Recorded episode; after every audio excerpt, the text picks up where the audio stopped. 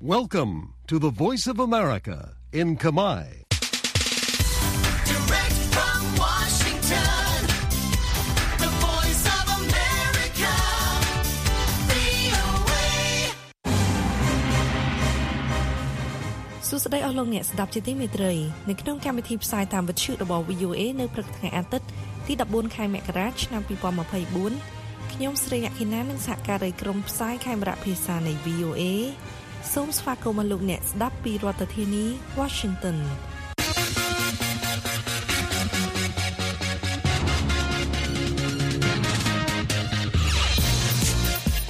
នៅក្នុងការផ្សាយរបស់ VOA ជាបន្តបន្តទៅនេះយើងមានសេចក្តីរាយការណ៍អំពីសេតវិមានបាននិយាយថាលោក Biden មិនបានផ្ដល់សញ្ញាអំពីបទឈប់បាញ់គ្នានៅតំបន់កាហ្សានោះទេពួកបេក្ខជនប្រធានាធិបតីឥណ្ឌូនេស៊ីជជែកដេញដោលគ្នា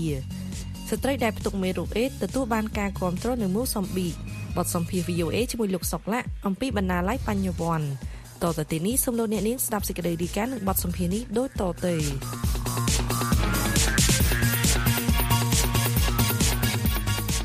សេតវិមានបន្តច្រានចោលការអំពាវនាវកាន់តែខ្លាំងឡើងឲ្យបញ្ឈប់អរិភាពរវាងអ៊ីស្រាអែលនិងក្រុមហាម៉ាស់នៅតំបន់កាហ្សាដោយបញ្ជូនសញ្ញាចម្រុះចំពេលលោកប្រធានាធិបតីโจ Biden ខិតខំប្រឹងប្រែងដើម្បីសម្រួលដល់ការអំពាវនាវរបស់ជនជាតិអាមេរិកមួយចំនួនឲ្យមានការឈប់បាញ់គ្នាប្រធានការិយាល័យ VOA ប្រចាំសេតវិមានអ្នកស្រីភេតស៊ីវីដាគូស្វារ៉ាជួនសេចក្តីរាយការណ៍អំពីរឿងនេះហើយលោកប៉ិនស៊ីសុវណ្ណជួនសេចក្តីប្រាយសម្រួលក្រសួងសុខាភិបាលនៅហ្គាហ្សាថាចំនួនអ្នកស្លាប់បានកើនឡើងដល់23,000នាក់ខណៈអ៊ីស្រាអែលបន្តប្រតិបត្តិការយោធាដោយទទូចថាខ្លួននឹងបញ្ឈប់ដល់កឹកណាក្រុមហាម៉ាស់ត្រូវបានលុបបំបាត់ទោះជាមានការអំពាវនាវឲ្យឈប់បាញ់ក៏ដោយ លោក John Kirby អ្នកនាំពាក្យក្រុមប្រឹក្សាសន្តិសុខជាតិថា We do continue to support យើងបន្តគាំទ្រការផ្អាកការប្រយុទ្ធដើម្បីមនុស្សធម៌ប៉ុន្តែមិនមែនឈប់បាញ់ទូទៅនៅពេលនេះទេលោកប្រធានាធិបតីមិនបានផ្ដល់សញ្ញាផ្លាស់ប្ដូរសោះឡើយលោក John Kirby រំលឹកអំពីជំហរនេះរបស់សហរដ្ឋអាមេរិកប្រាប់ VA អំឡុងសន្និសីទសារព័ត៌មានកាលពីសប្តាហ៍មុនមួយថ្ងៃមុនលោកប្រធានាធិបតី Joe Biden បានលើកឡើងថា ខ្ញុំបានធ្វើការយ៉ាងស្ងៀមស្ងាត់ជាមួយរដ្ឋាភិបាលអ៊ីស្រាអែលដើម្បីគេបន្ធូរដៃហើយសំខាន់គឺចេញពីហ្គាហ្សាដោយប្រើអ្វីៗទាំងអស់ដែលខ្ញុំអាចធ្វើបានលោក Biden ពេលនោះបានឆ្លើយតបនឹងអ្នករំខានដែលជំរុញឲ្យលោកអំពាវនាវឲ្យមានបទជប់បាញ់វាជាបញ្ហាមួយដែលបង្ហាញថាចំនួននេះបំបែកអ្នកបោះឆ្នោតអាមេរិកមុនការបោះឆ្នោតប្រធានាធិបតីនៅខែវិច្ឆិកា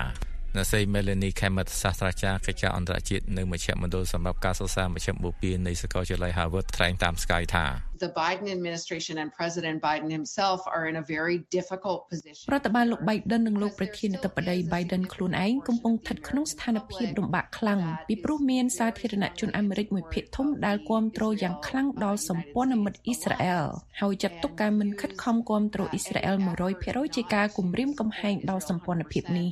ការស្ទង់មតិដោយក៏លុបការពីខែធ្នូបង្ហាញថា38%នៃជនជាតិអាមេរិកជឿថាអ៊ីស្រាអែលទទួលបានការគ្រប់គ្រងសមរម្យពីសហរដ្ឋអាមេរិករីឯ36%ថាច្រើនពេកហើយ24%ថាតិចពេក40%នៃអ្នកប្រជាធិបតេយ្យនិងអ្នកឯករាជ្យថាសហរដ្ឋអាមេរិកផ្ដល់ការគ្រប់គ្រងច្រើនពេកសម្រាប់អ៊ីស្រាអែលរីឯអ្នកសាធារណរដ្ឋមាន26%ពីរដ្ឋធានី Washington ខ្ញុំពិនស៊ីសវណ្ណ VOA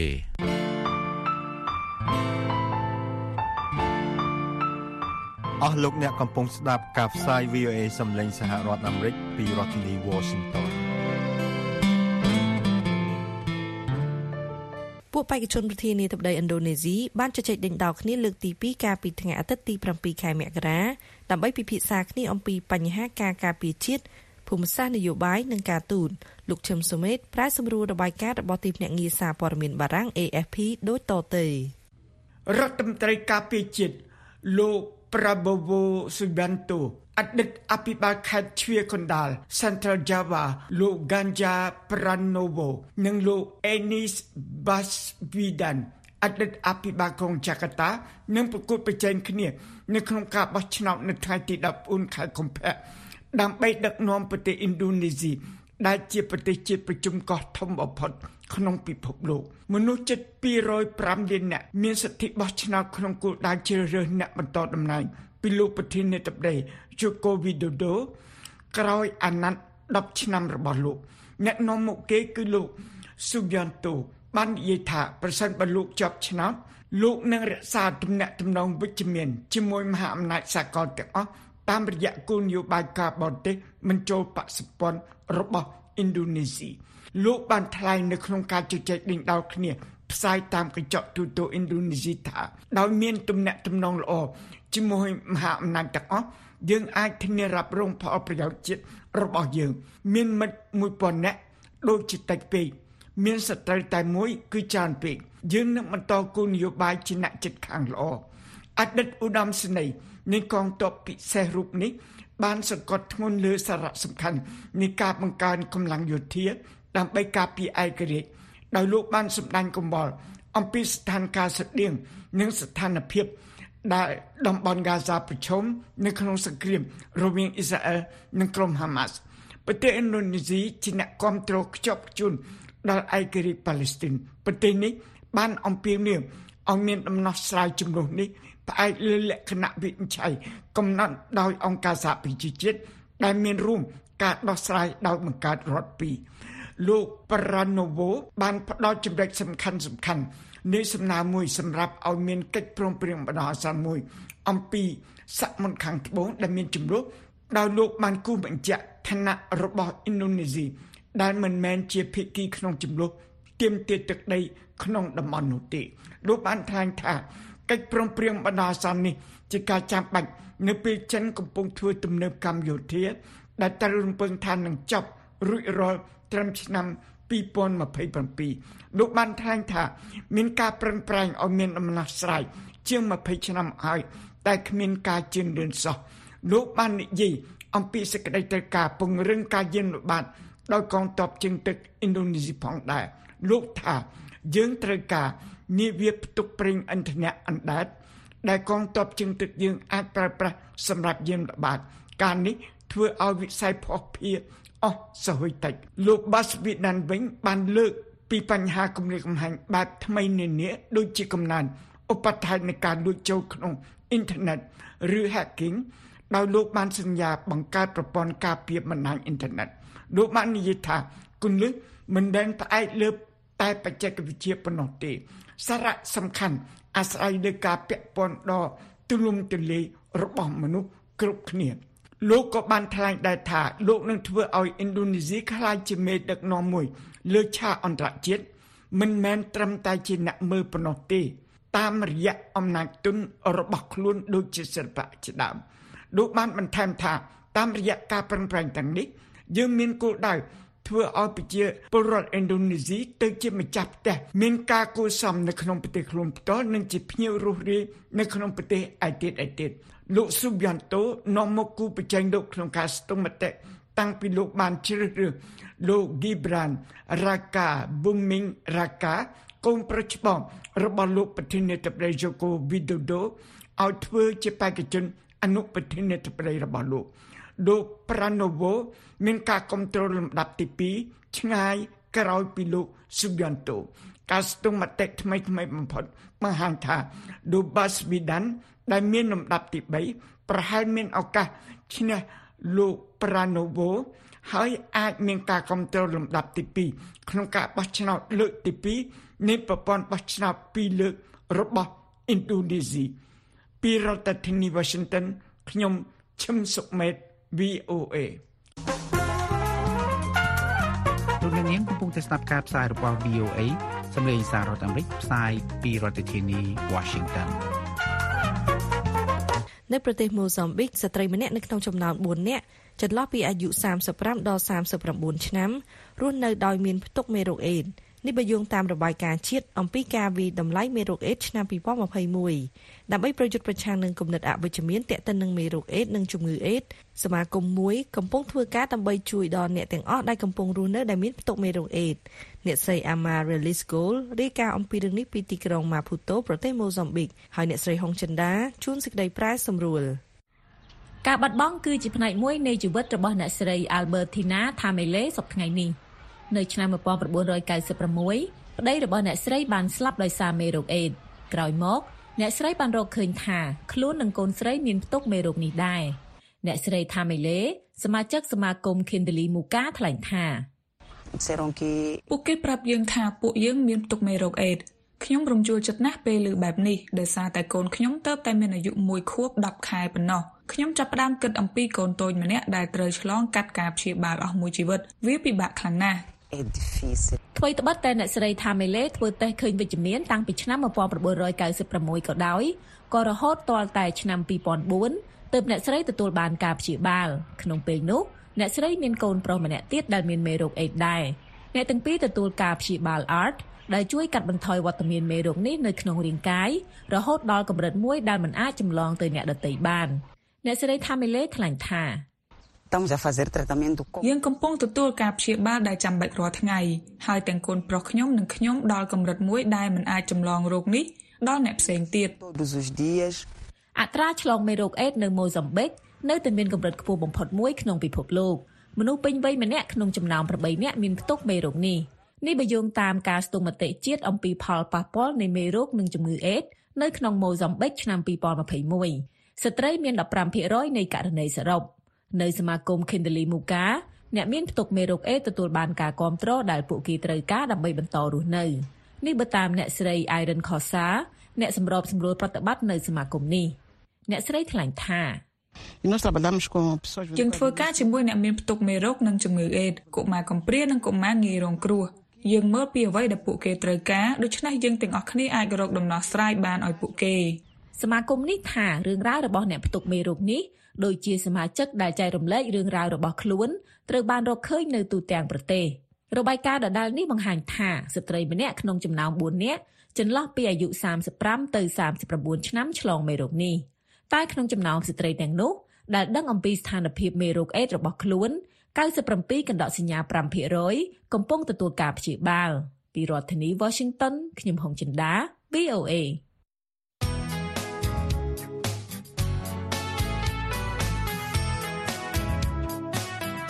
សួស្តីលោកអ្នកស្ដាប់ជាទីមេត្រី VOA យើងខ្ញុំសូមជម្រាបលោកអ្នកថាក្រៅពីផ្សព្វផ្សាយព័ត៌មានអំពីប្រទេសកម្ពុជាជាអត្ថបទនិងសំឡេង លោកអ្នកថែមទាំងអាចទទួលព័ត៌មានជារូបភាពវីដេអូផងដែរសូមលោកអ្នកចូលទៅកាន់គេហទំព័រ youtube.com/voa khmer service ដើម្បីបើកមើលព័ត៌មានជាវីដេអូថ្មីៗដែលរួមមានបទសម្ភាសន៍បទយកការនិងព័ត៌មានផ្សេងៗទាក់ទងនឹងប្រទេសកម្ពុជា និងពលរដ្ឋអាមេរិកកាំងដើមកំណើតខ្មែរជាថ្មីម្ដងទៀតអាសយដ្ឋាននោះគឺ youtube.com/voa khmer service សូមអរគុណ។។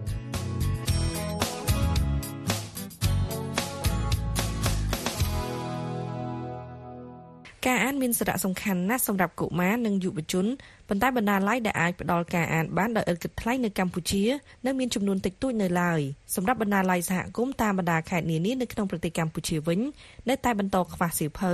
និងបច្ចេកទេសក្នុងការរៀបចំបណ្ណាល័យលោកសុកលៈ សហស្ថាបនិកបណ្ណាល័យបញ្ញវន្តនិងជាសហស្ថាបនិកនៃយុទ្ធនាការសៀវភៅមួយសហគមន៍មួយបានថ្លែងនៅក្នុងបទសម្ភាសជាមួយអ្នកនាងកាន់វិជ្ជការនៃ VOA ថាបណ្ណាល័យបញ្ញវន្តជំរុញឲ្យកុមារនិងយុវជននៅតាមសហគមន៍អានសៀវភៅបានកាន់តែច្រើននិងជួយឲ្យការរៀបចំបណ្ណាល័យសហគមន៍មានភាពល្អប្រសើរជាងមុន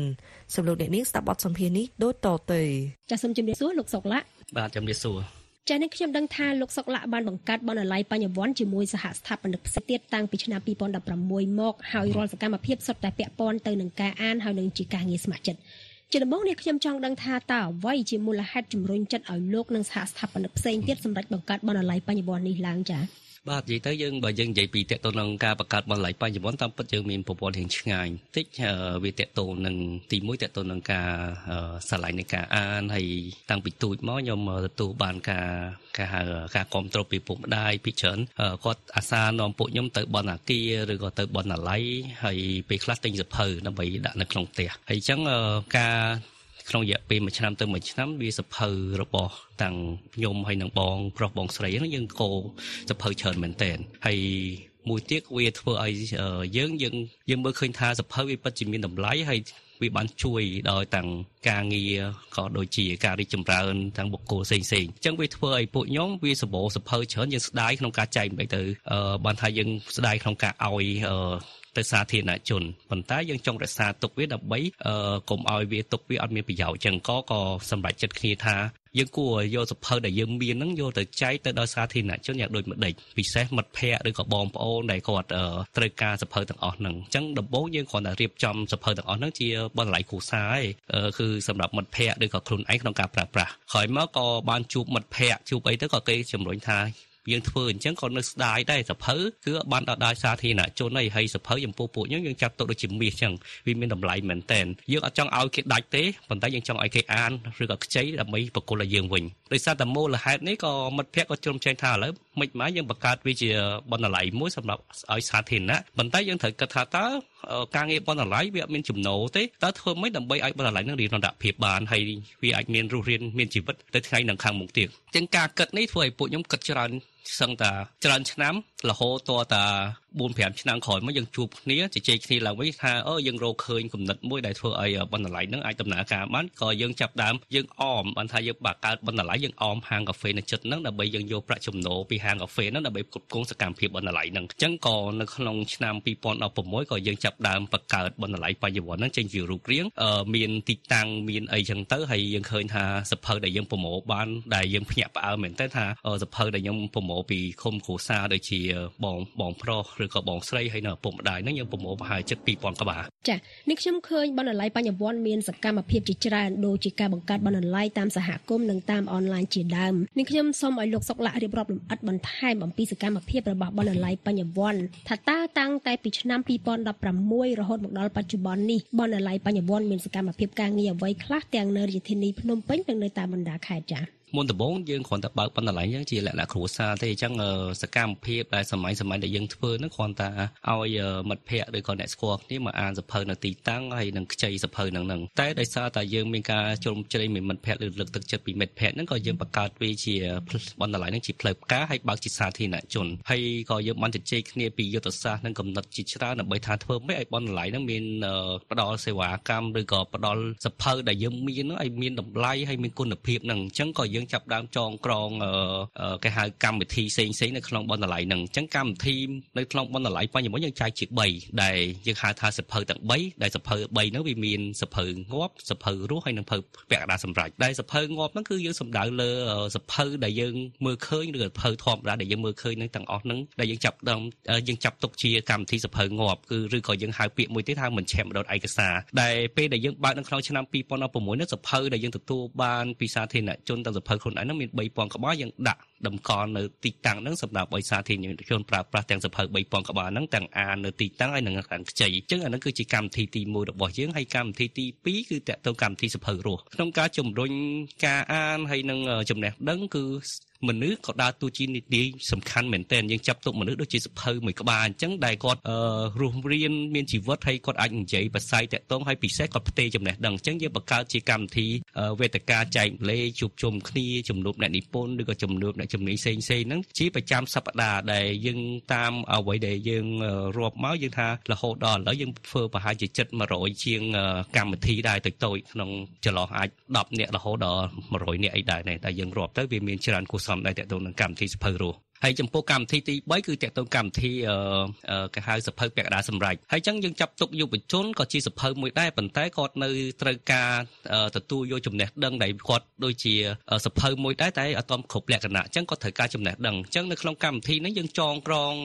យុវជនទៅជាសហគមន៍ចំណេះដឹងដែលយើងអាចចងក្រងវាគាត់ជាក្លឹបអានក្លឹបបរិស្ថានឬក៏ក្រុមគម្រោងផ្សេងផ្សេងនៅក្នុងនឹងអញ្ចឹងនៅក្នុងរៀងរាល់ឆ្នាំយើងជាយាមជឿរើសយុវជនក៏ដូចជាអ្នកស្ម័គ្រចិត្តដើម្បីគាត់ទទួលយកកម្មវិធីហ្នឹងតាមរយៈការស្ម័គ្រចិត្តនៅបណ្ណាល័យបញ្ញវន្តក៏ដូចជាបង្កើតគម្រោងផ្សេងផ្សេងជាដៃគូសហការក្នុងការបង្កើតគម្រោងផ្សេងផ្សេងហ្នឹងដូចគម្រោងខ្លះយើងបានធ្វើនៅទីក្រុងភ្នំពេញគម្រោងខ្លះយើងបានធ្វើនៅក្នុងខេត្តអញ្ចឹងបើយើងគិតទៅគម្រោងដែលយើងលើកធ្វើនៅក្នុងទីក្រុងភ្នំពេញវាមានច្រើនដូចជាគម្រោងចែកសភៅគម្រោងដូរសភៅក៏គម្រោងទៅ ទស្សនកិច្ចបណ្ណាល័យផ្សេងផ្សេងហើយនឹងគម្រោងដែលផ្សេងផ្សេងក្នុងការវគ្គបណ្ដុះបណ្ដាលយុវជនផ្សេងផ្សេងដើម្បីដឹងរឿងទាំងអស់ហ្នឹងងាកមកយុទ្ធនាការសិភៅមួយសហគមន៍មួយដែលជាផ្នែកមួយរបស់បណ្ណាល័យបញ្ញវន្តវិញតើរហូតមកដល់ពេលនេះមានខេត្តចំនួនប៉ុន្មានហើយដែលក្រុមការងារបានទៅដល់ចា៎បាទ ចឹងនៅក្នុងឆ្នាំ2022យើងបានសហការជាមួយនឹងស្ថាប័នផ្សេងៗដូចជាក្រុមហ៊ុន Ria Tiger Solution ហើយនិងស្ថាប័នអង្គការមួយចំនួនហ្នឹងយើងបានបង្កើតយុទ្ធនាការថ្មីមួយលើសពីការងារដែលបន្លៃបញ្ញវន្តធ្វើហ្នឹងដែលយើងហៅថាយុទ្ធនាការសភៅមួយសហគមន៍មួយចឹងគោលដៅរបស់យុទ្ធនាការសភៅមួយសហគមន៍មួយយើងយើងដាក់គោលដៅខ្លួនឯងក្នុងរយៈពេល25ខែយើងត្រូវដើរធ្វើមិនឲ្យបានទៅ25ខែចឹងអានេះគឺជាគោលដៅរបស់យុទ្ធនាការហ្នឹងដែលយើងបានកំណត់ហ្នឹងចឹងយុទ្ធនាការនេះយើងបង្កើតនៅក្នុងឆ្នាំ2022ហើយយើងចាប់ដើមខែ1ឆ្នាំ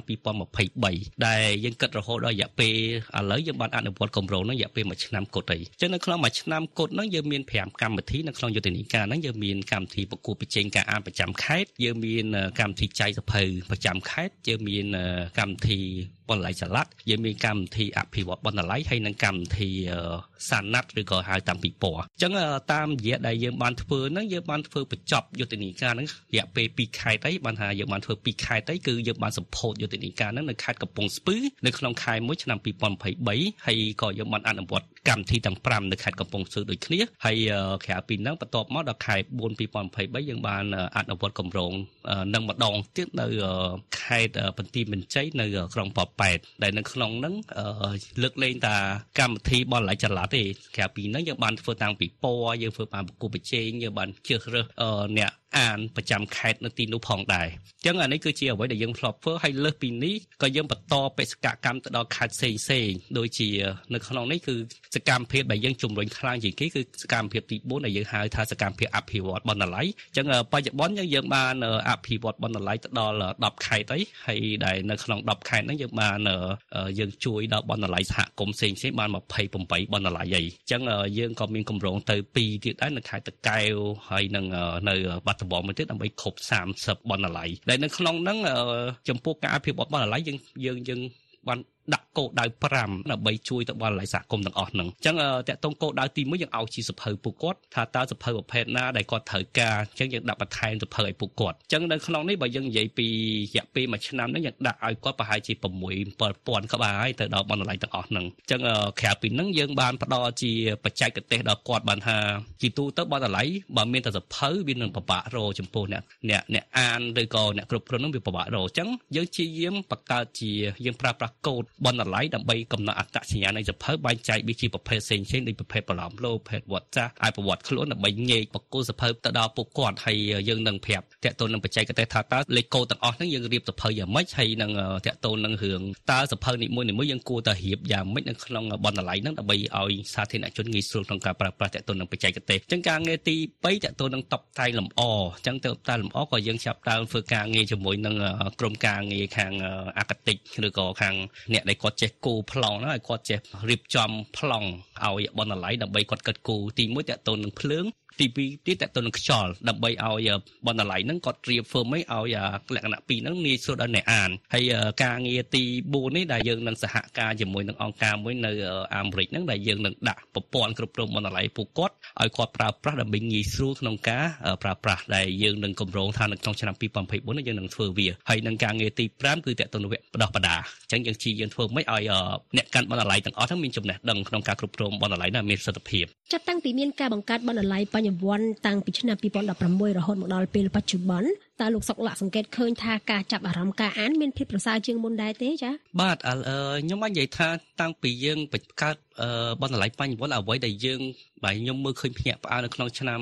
2017បានថាបន្ទាប់ពីយើងបង្កើតបណ្ណាល័យបញ្ញវន្តមួយឆ្នាំយើងឃើញថាសន្ទុះនៃការអាននឹងឡើងខ្លាំងគួរសមដែរនៅក្នុងឆ្នាំហ្នឹងអាចថាជាឆ្នាំមួយដែលជាព្រឹត្តិការណ៍ប្លែកមួយពីឆ្នាំ2016ដែលយើងមើលឃើញថាទាំងអ្នកនិពន្ធទាំងអ្នកអានហ្នឹងយើងឃើញថាមានភាពផុសផុលក្នុងការសបផ្សាយក៏មានភាពផុសផុលក្នុងការអានសភៅផ្សេងផ្សេងដែរដែលជាពេលវេលាមួយដែលយើងមើលឃើញថាគឺជាពេលវេលាអាចថាចំពោះពួកខ្ញុំគឺថាជាពេលវេលាមាសមួយដែលយើងឃើញថាការងារទាំងអស់ហ្នឹងវាមានបានរីកចម្រើនហើយអ្វីដែលខ្ញុំគួរឲ្យកត់សម្គាល់ទេដែលពីមុនយើងឃើញថាខាងផ្នែកសហគ្រិនក៏អត់សូវចាប់អារម្មណ៍ក្នុងការសបផ្សាយសភៅឬក៏អានសភៅទេពេលខ្លះអ្នកខ្លះគាត់សហគ្រិនឯងគាត់អានស្ងាត់ស្ងាត់ប៉ុន្តែនៅក្នុងឆ្នាំ2018 2019យើងឃើញមានព្រឹត្តិការណ៍មួយទៀតយើងឃើញថាក្រមសហគ្រិនហ្នឹងក៏ចាប់តាមសបផ្សាយសភៅដែលជាផ្នែកមួយល្អមែនទែនហើយរហូតបន្តមានស្ថាប័នក្រុមហ៊ុនខ្លះគាត់ប្រើប្រាស់បណ្ណាល័យជាយន្តការក្នុងការអភិវឌ្ឍបុគ្គលិកគាត់អញ្ចឹងគាត់បង្កើតបណ្ណាល័យនៅក្នុងស្ថាប័នគាត់ដើម្បីឲ្យបុគ្គលិកដើម្បីវឹកហាត់សមត្ថភាពក្រៅពីគាត់ឲ្យប្រាក់ទៅរៀននៅសាលាឬក៏ប្រាក់ឧបត្ថម្ភទៅរៀនផ្សេងៗដើម្បីប្រឹងសមត្ថភាពគាត់គាត់ដាក់បណ្ណាល័យនៅក្នុងស្ថាប័នដែរនឹងគឺជាព្រឹត្តិការណ៍ពីរដែលយើងមើលឃើញថាបន្ទាប់ពីយើងបង្កើតបណ្ណាល័យហើយព្រឹត្តិការណ៍មួយទៀតដែលយើងមើលឃើញដែរថាចំពោះតាក់ទងអ្នកធ្វើការងារផ្នែកសភៅដូចជាអ្នកនិពន្ធដូចជាពិព័រណ៍សភៅ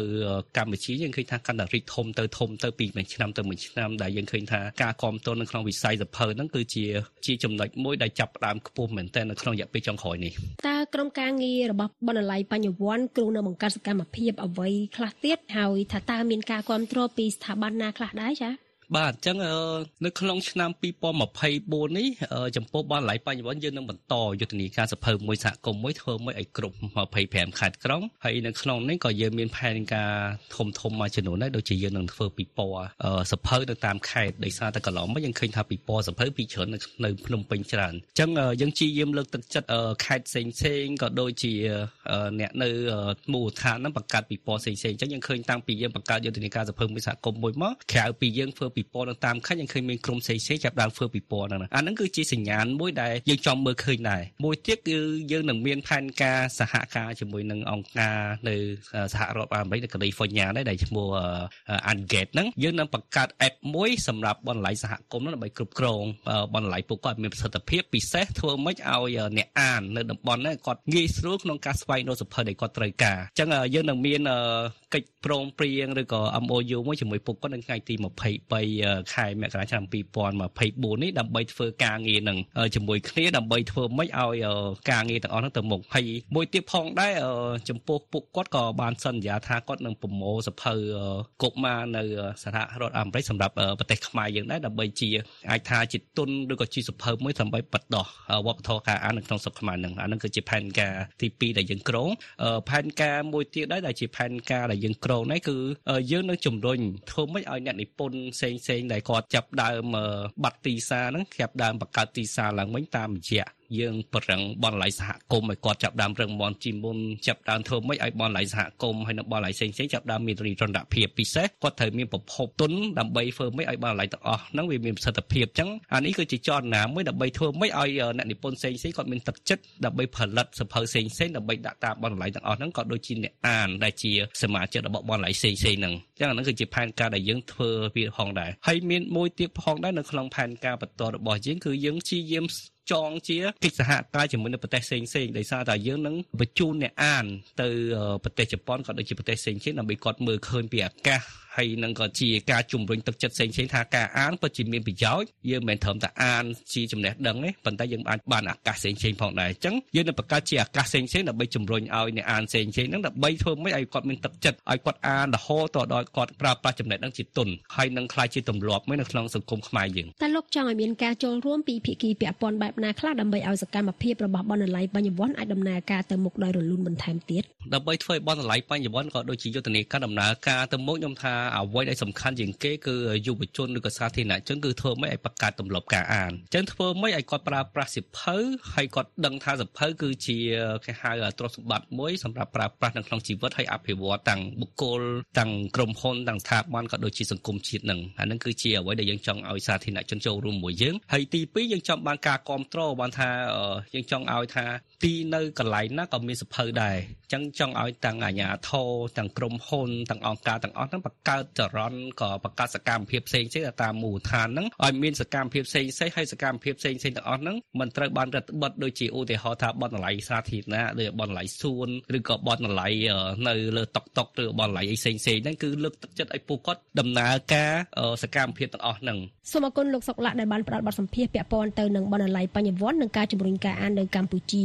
សម្រាប់ពេលនេះនាងខ្ញុំសូមអរគុណនិងសូមជម្រាបលាបាទសូមអរគុណហើយនឹងជម្រាបលា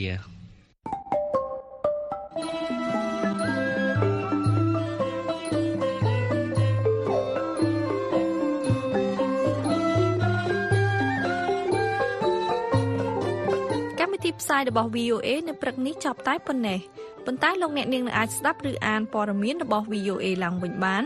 តាមរយៈគេហទំព័រខ្មែរ .voanews.com សំលោកអ្នកនាងរងចាំស្ដាប់ការផ្សាយបន្តផ្ទាល់របស់យើងខ្ញុំនៅរាត្រីនេះពីម៉ោង8:30នាទីដល់ម៉ោង9:30នាទីតាមរលកវិទ្យុ 25m ត្រូវនឹងកម្រិត11695និង1575 kHz សំលោកអ្នកនាងប្រកបដោយសុភមង្គលគ្រប់ប្រការអរុនសួស្ដី